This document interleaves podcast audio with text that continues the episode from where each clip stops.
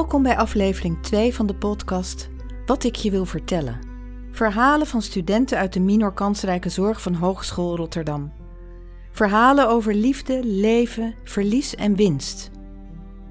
In aflevering 1 heb ik meer verteld over het ontstaan en achtergrond van deze podcast. In aflevering 2 weer drie verhalen van studenten over henzelf en verhalen opgehaald bij de moeders die ze hebben begeleid. Je hoort Marit, Maaike van der Loo en Merel Arendsen. Verhalen over pieken en dalen. De twijfel: kan ik wel een goede moeder zijn? En hoe gebeurtenissen en emoties invloed hebben op verschillende generaties. We starten aflevering 2 met het verhaal van Marit. Het verhaal over de pieken en de dalen. Het kan nu ieder moment gebeuren. Ze wordt moeder. Op een zomerse dag fietsen Kees en Margriet door de straten van Deventer. Ze is uitgelaten. Ze zijn net naar een feestje geweest en ze heeft een bruin biertje gedronken. Hard fietsen over de hobbels in de weg en roept: Kom, baby, kom! Dan beginnen de weeën. Hij belt de verloskundige. De ontsluiting gaat veel sneller dan ze had verwacht. Ze had zich voorbereid op het uren wegzuchten van weeën. Maar voor ze het weet, mag ze al persen. Maar hoe dan? Met alle kracht in haar perst ze haar kind eruit. De verloskundige legt een klein meisje op haar borst. Het enige wat ze kan is staren naar dat krachtige lichaampje. Ze kan maar één ding bedenken: een krachtig wezentje als dit heeft geen moeder nodig. Ze ziet hoe haar man hun baby liefdevol in zijn armen neemt en puur verliefd naar het kleine meisje staart. Waarom voelt zij dat niet? Waarom voelt hij dat wel voor haar? 19 jaar later zit ze op de bank met haar kleine meisje. Haar meisje is net begonnen aan de opleiding verloskunde. Ze is zo trots op haar. Ze zegt haar: Ik heb dit altijd al geweten. Vanaf het moment dat je geboren was, was je al zo sterk. Jij had mij niet nodig als moeder. Ze vraagt waarom haar moeder denkt dat zij geen moeder nodig had. Zij heeft juist vaak haar moeder gemist. Het is misschien meer dat ik me nooit een moeder heb gevoeld. Ik heb het idee dat als ik hulp of begrip had gekregen toen, dan had ik er meer voor je kunnen zijn. Maar het was taboe dat ik als kerstverse moeder mij geen moeder kon voelen. Haar dochter kan het zich wel goed voorstellen. Zij gaat toch ook bij ieder gezin weg met het idee dat ze het gelukkigste gezin ooit achterlaat. Toen zij nog een klein meisje was, nam haar moeder haar mee naar de bergen. Dit was voor haar moeder de plek waar ze tot rust kon komen. Ze liepen eindeloze tochten door de bossen en velden, door dalen en over de hoogste pieken, door de vrieskou en in de bloedhitte. Totdat het kleine meisje in tranen uitbarstte en op een steen ging zitten.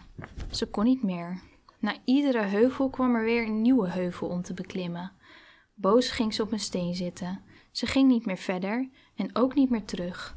Ik ga niet meer lopen. Ik heb al ver genoeg gelopen, zei ze verongelijkt. Achteraf vroeg haar moeder haar altijd wat ze het mooist had gevonden aan de tocht. En altijd zei het meisje weer: het lopen. Al met al was het een onrustige jeugd. Haar ouders scheiden al snel en haar moeder vond het lastig om haar dochter, waar zij zich geen moeder voor voelde, om zich heen te hebben. Zo werd ze van plek naar plek gestuurd. Haar moeder maakt haar leven soms tot een paradijs, maar soms ook tot een allesverzengende hel. Als puber denkt het meisje: waarom steekt niemand een hand uit? Zien ze mij niet of denken ze dat ik het wel red? Maar ze redden het niet. Tot die ene mooie dag dat ze besloot dat het niet meer hoefde. Niks kon haar nog tegenhouden. Niemand zou haar missen. Marit, dankjewel voor je verhaal.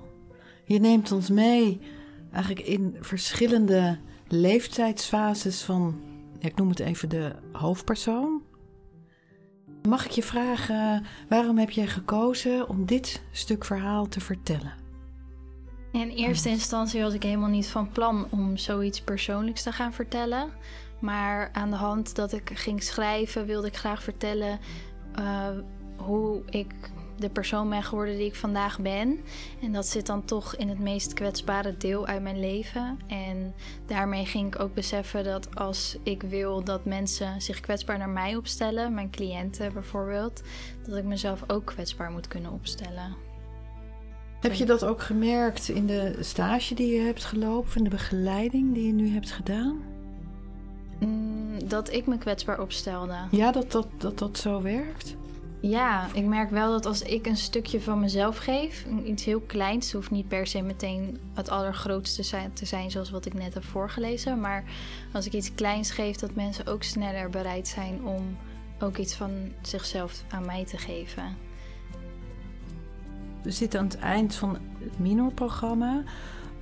Kun je daar iets uit meenemen in je rol als toekomstig professional, ook vanuit je eigen verhaal? Wat heeft het jou gebracht? Misschien moet ik het zo zeggen. Ja, het heeft mij, het heeft mij heel veel gebracht. Het heeft ehm, vanaf het begin van de minor ben ik veel meer gaan nadenken over wie ik ben als persoon, maar ook uh, daarmee als professional. Ik denk dat die toch meer verbonden zijn dan dat we soms denken. Mijn hele leven is de afgelopen drie maanden op zijn kop gegaan, met name persoonlijk. Maar ik denk dat ik eigenlijk ook wel zeker weet dat ik een hele andere verloskundige in opleiding ben als daarvoor. Word ik nieuwsgierig als je dat zegt? Want, want nou, ik denk dat je misschien wel kan raden wat ik dan. Ik ben heel nieuwsgierig wat wat andere is. Wat is het verschil?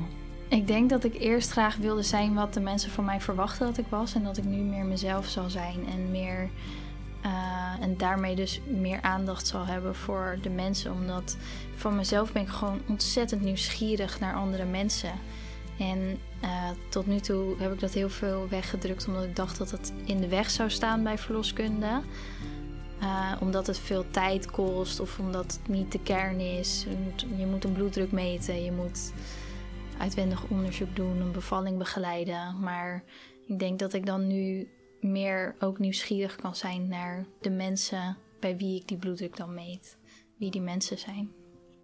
Je stopt jouw fragment of jouw verhaal, je hebt een, stuk van je, een stukje van je verhaal verteld. En je stopt eigenlijk bij de zin van dat het voor haar niet meer hoeft. Waar staat dat meisje uit dat verhaal nu?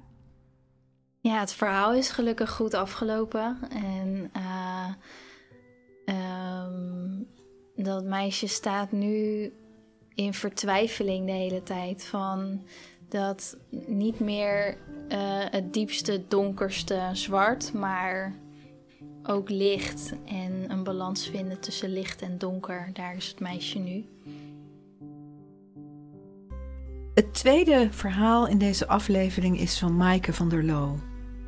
De twijfel: kan ik wel een goede moeder zijn? Dat is een verrassing, hè? Met een grote tas met spullen voor het weekend op mijn rug loop ik door de zware deur die zojuist van het slot is gehaald. Voor mijn neus staat mijn moeder. De lach die ik op mijn gezicht had verandert in een verwarde blik en ik vraag me af of ik blij ben haar te zien. Ze grijnst. Ga je goed voor mama zorgen dit weekend? Je vader heeft andere dingen aan zijn hoofd. Hij haalt je morgen op en brengt je dan naar oma.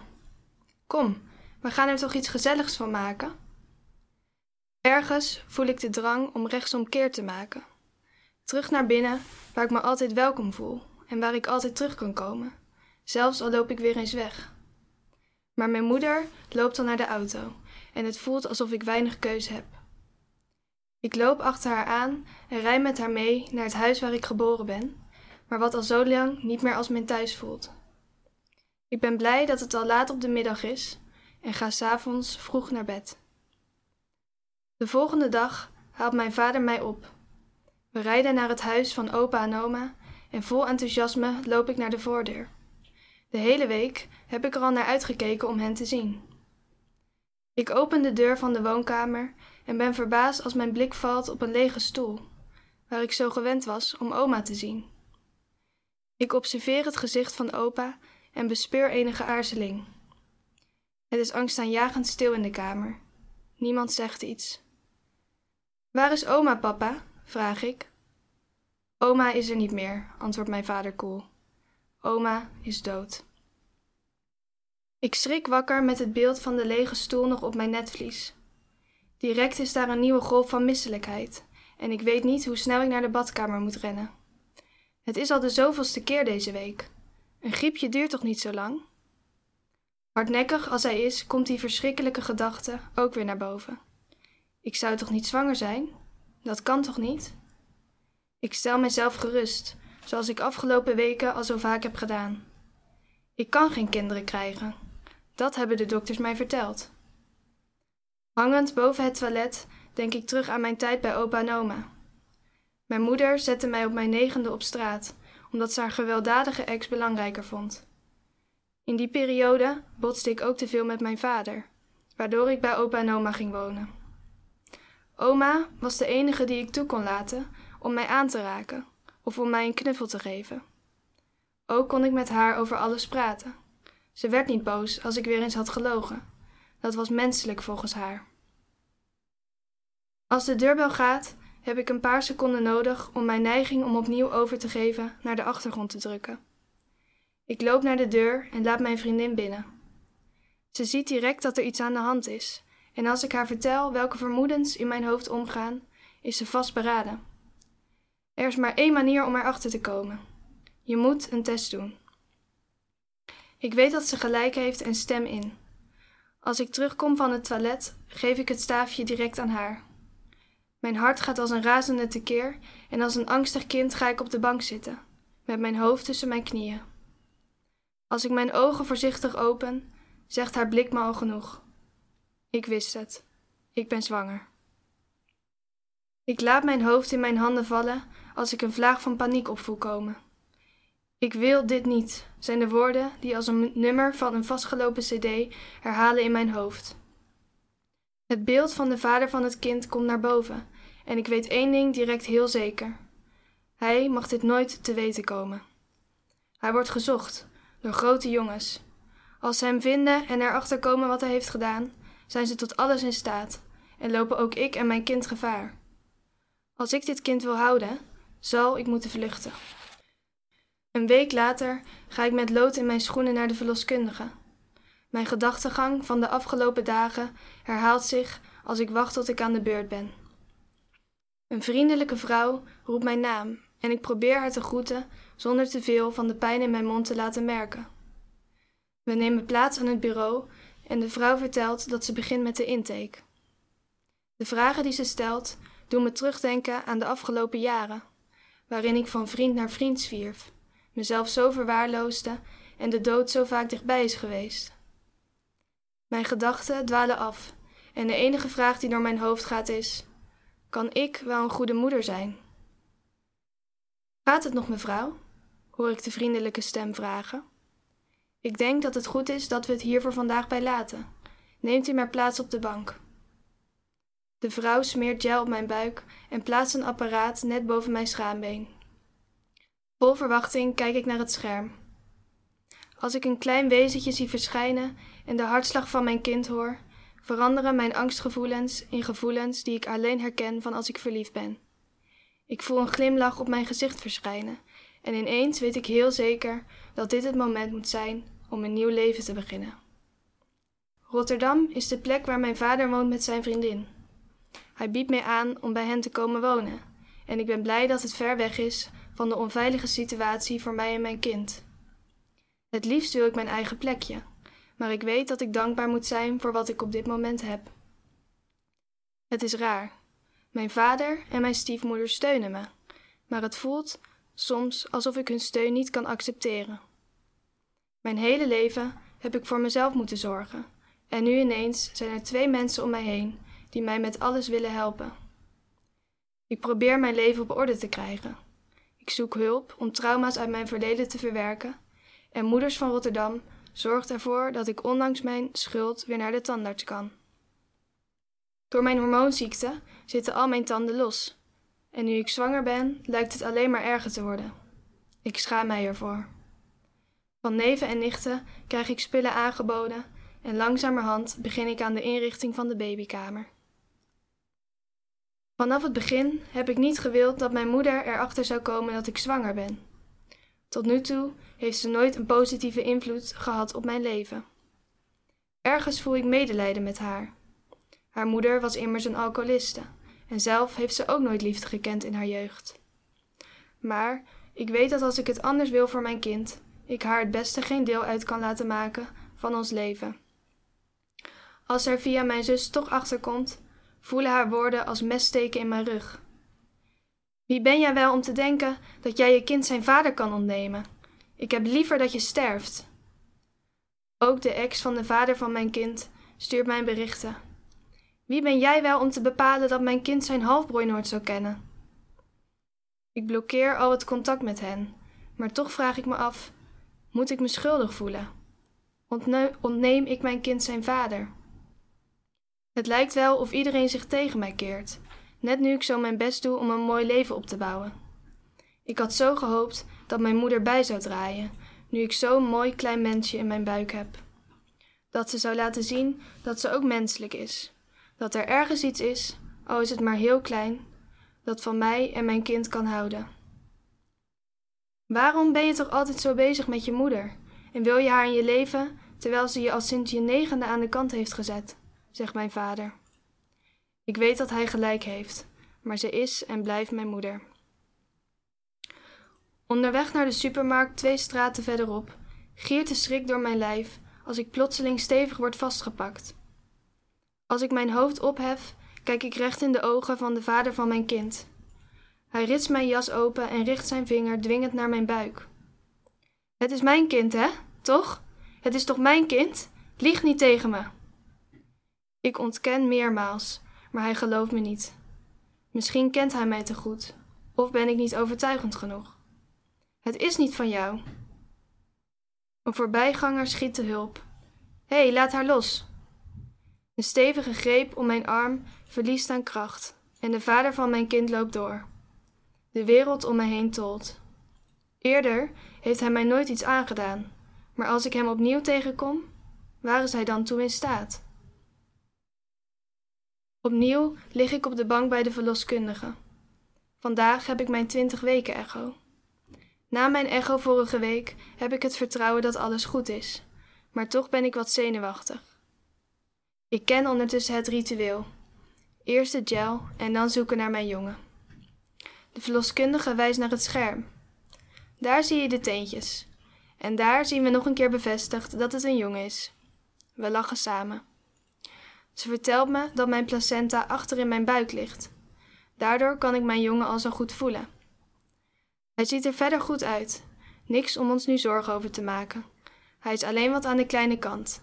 Zijn hoofdje is iets kleiner dan gemiddeld. Nou, laat hem dat voorlopig nog maar even houden, grap ik. Hij moet er tenslotte ook nog uit. Ik krijg de foto's van mijn jongen weer mee. Zorgvuldig stop ik ze in mijn tas. Ik kijk nog eens naar mijn buik en realiseer me hoe echt het begint te worden. Hoe meer ik mijn jongen voel schoppen, hoe groter het besef dat ik zijn moeder word. Ik weet dat ik alles anders wil doen, maar ben ook zo bang dat ik dat niet kan. Ik weet dat ik nu bewuste keuzes maak voor mij en mijn kind en dat ik veel mensen om mij heen heb die willen helpen. Maar hoe kan ik nu een goede moeder zijn als ik zelf nooit een voorbeeld heb gehad? Op de weg terug naar huis denk ik aan oma. Zij is de enige die mij dingen heeft meegegeven die ik ook voor mijn jongen wil. We rijden langs het kerkhof en parkeren onze auto. Met de foto van de echo in mijn hand loop ik naar het graf. Ik leg ze op de steen en brand ernaast een kaarsje. Wat had ik graag gewild dat zij er nog was geweest. Maaike, jij hebt uh, in je stage een aantal moeders begeleid.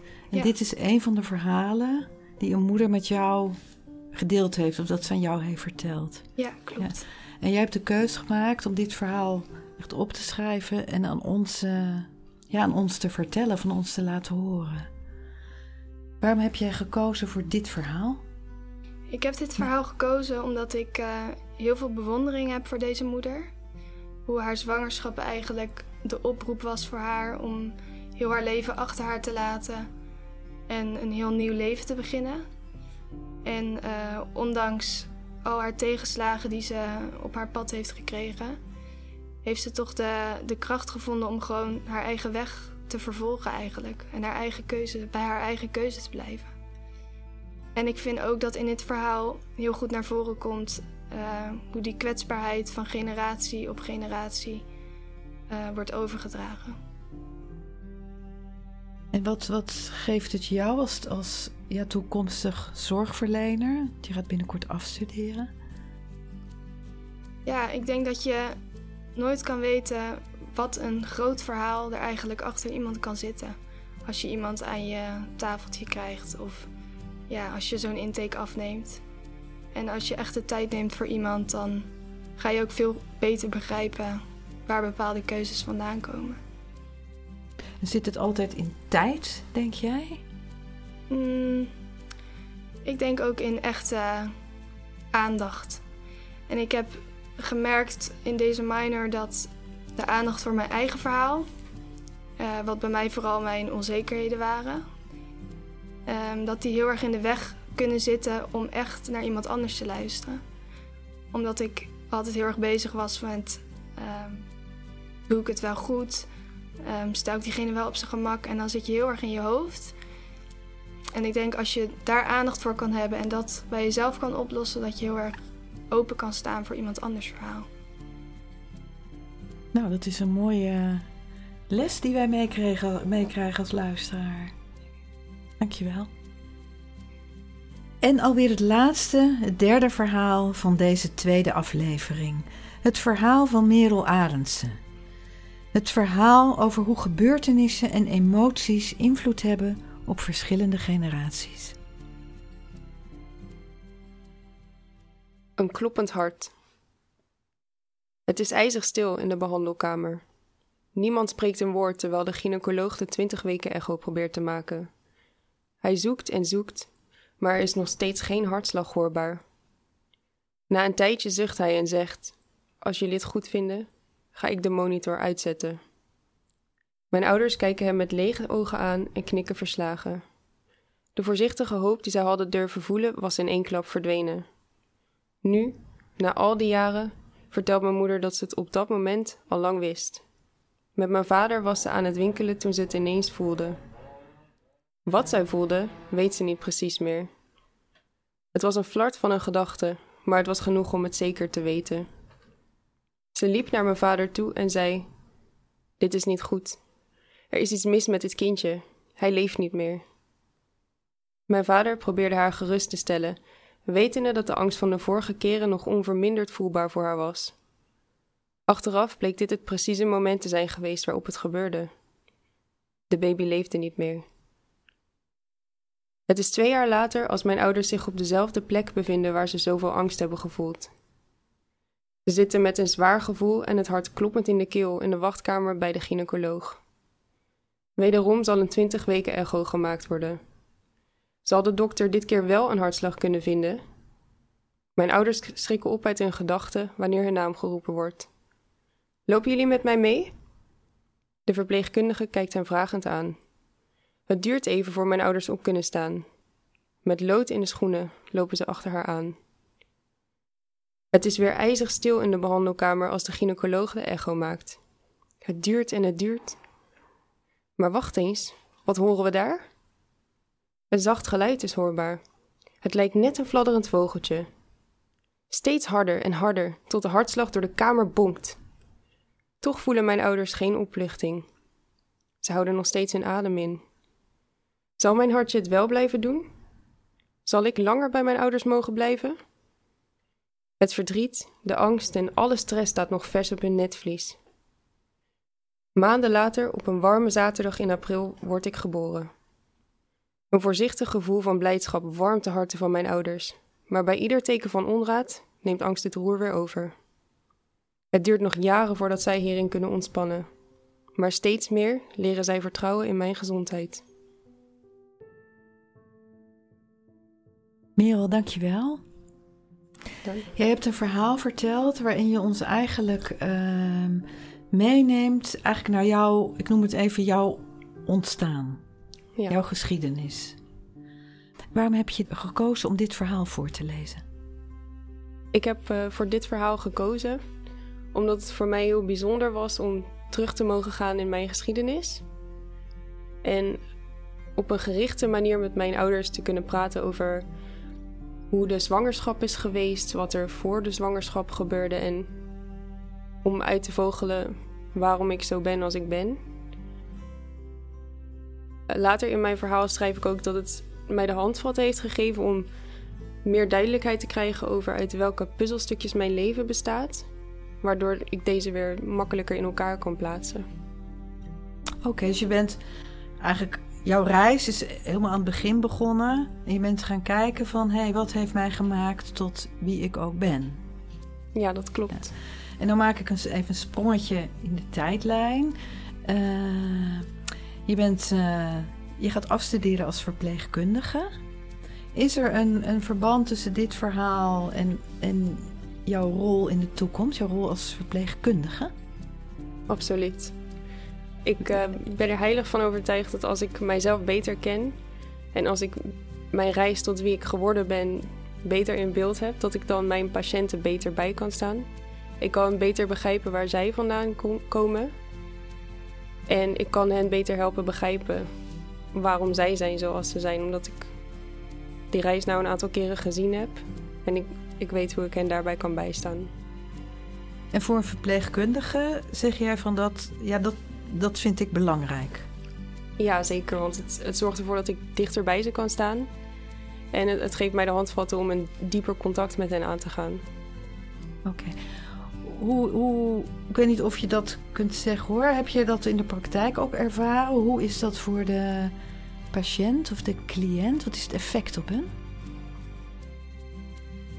Wat ik tot nu toe gemerkt heb, is dat ze, dat ze zich sneller openstellen naar mij dat we sneller tot een intens contact komen en dat ze echt, echt leren vertrouwen en bouwen op mij. En ik vind dat heel belangrijk, want voor mij is dat een, een heel noodzakelijk onderdeel van het zijn van verpleegkundige. Je kan geen goede hulp bieden als je daar niet bij kan staan. Oké, duidelijk. Als je terugblikt op de, op de minor en het werken met verhalen, heeft dat jou ook uh, geholpen om ja, te komen waar je nu bent? Wat neem je daaruit mee? Hoe bedoel je dat? Uh, je hebt uh, een half jaar in de minor gezeten, gewerkt met ook de verhaalmethodiek. Wat heeft dat jou gebracht? Het heeft mij zelfvertrouwen gegeven. Uh, in het begin dacht ik altijd dat ik iemand heel erg um, zou dwingen om zijn verhaal te vertellen. En dat iemand daar helemaal niet op zat te wachten. Ik voelde me bezwaard zelfs. En nu heb ik gemerkt dat het eigenlijk helemaal niet zo moeilijk is om echt het gesprek met iemand aan te gaan. En dat ze zich juist vaak gehoord voelen en gezien en dat ze het heel prettig vinden. Voor hen een mogelijkheid om zich te uiten.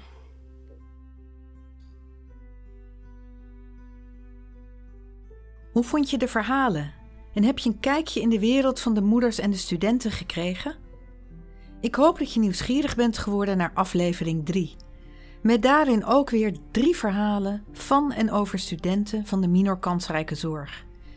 In aflevering 3 hoor je de verhalen van Linde Jelsma, Carolien Verburg en van Janine Voordendag. Het zal gaan over de pijn van foute keuzes, het gevoel dat je niet bestaat. En Janine leest een bijzondere brief voor, een brief die zij heeft geschreven vanuit de toekomst. En mocht je vragen hebben of meer willen weten over de verhalen of het werken met verhalen? Je kunt mij mailen s.klinkenberg.hr.nl Met hartelijke groet, Saskia Klinkenberg.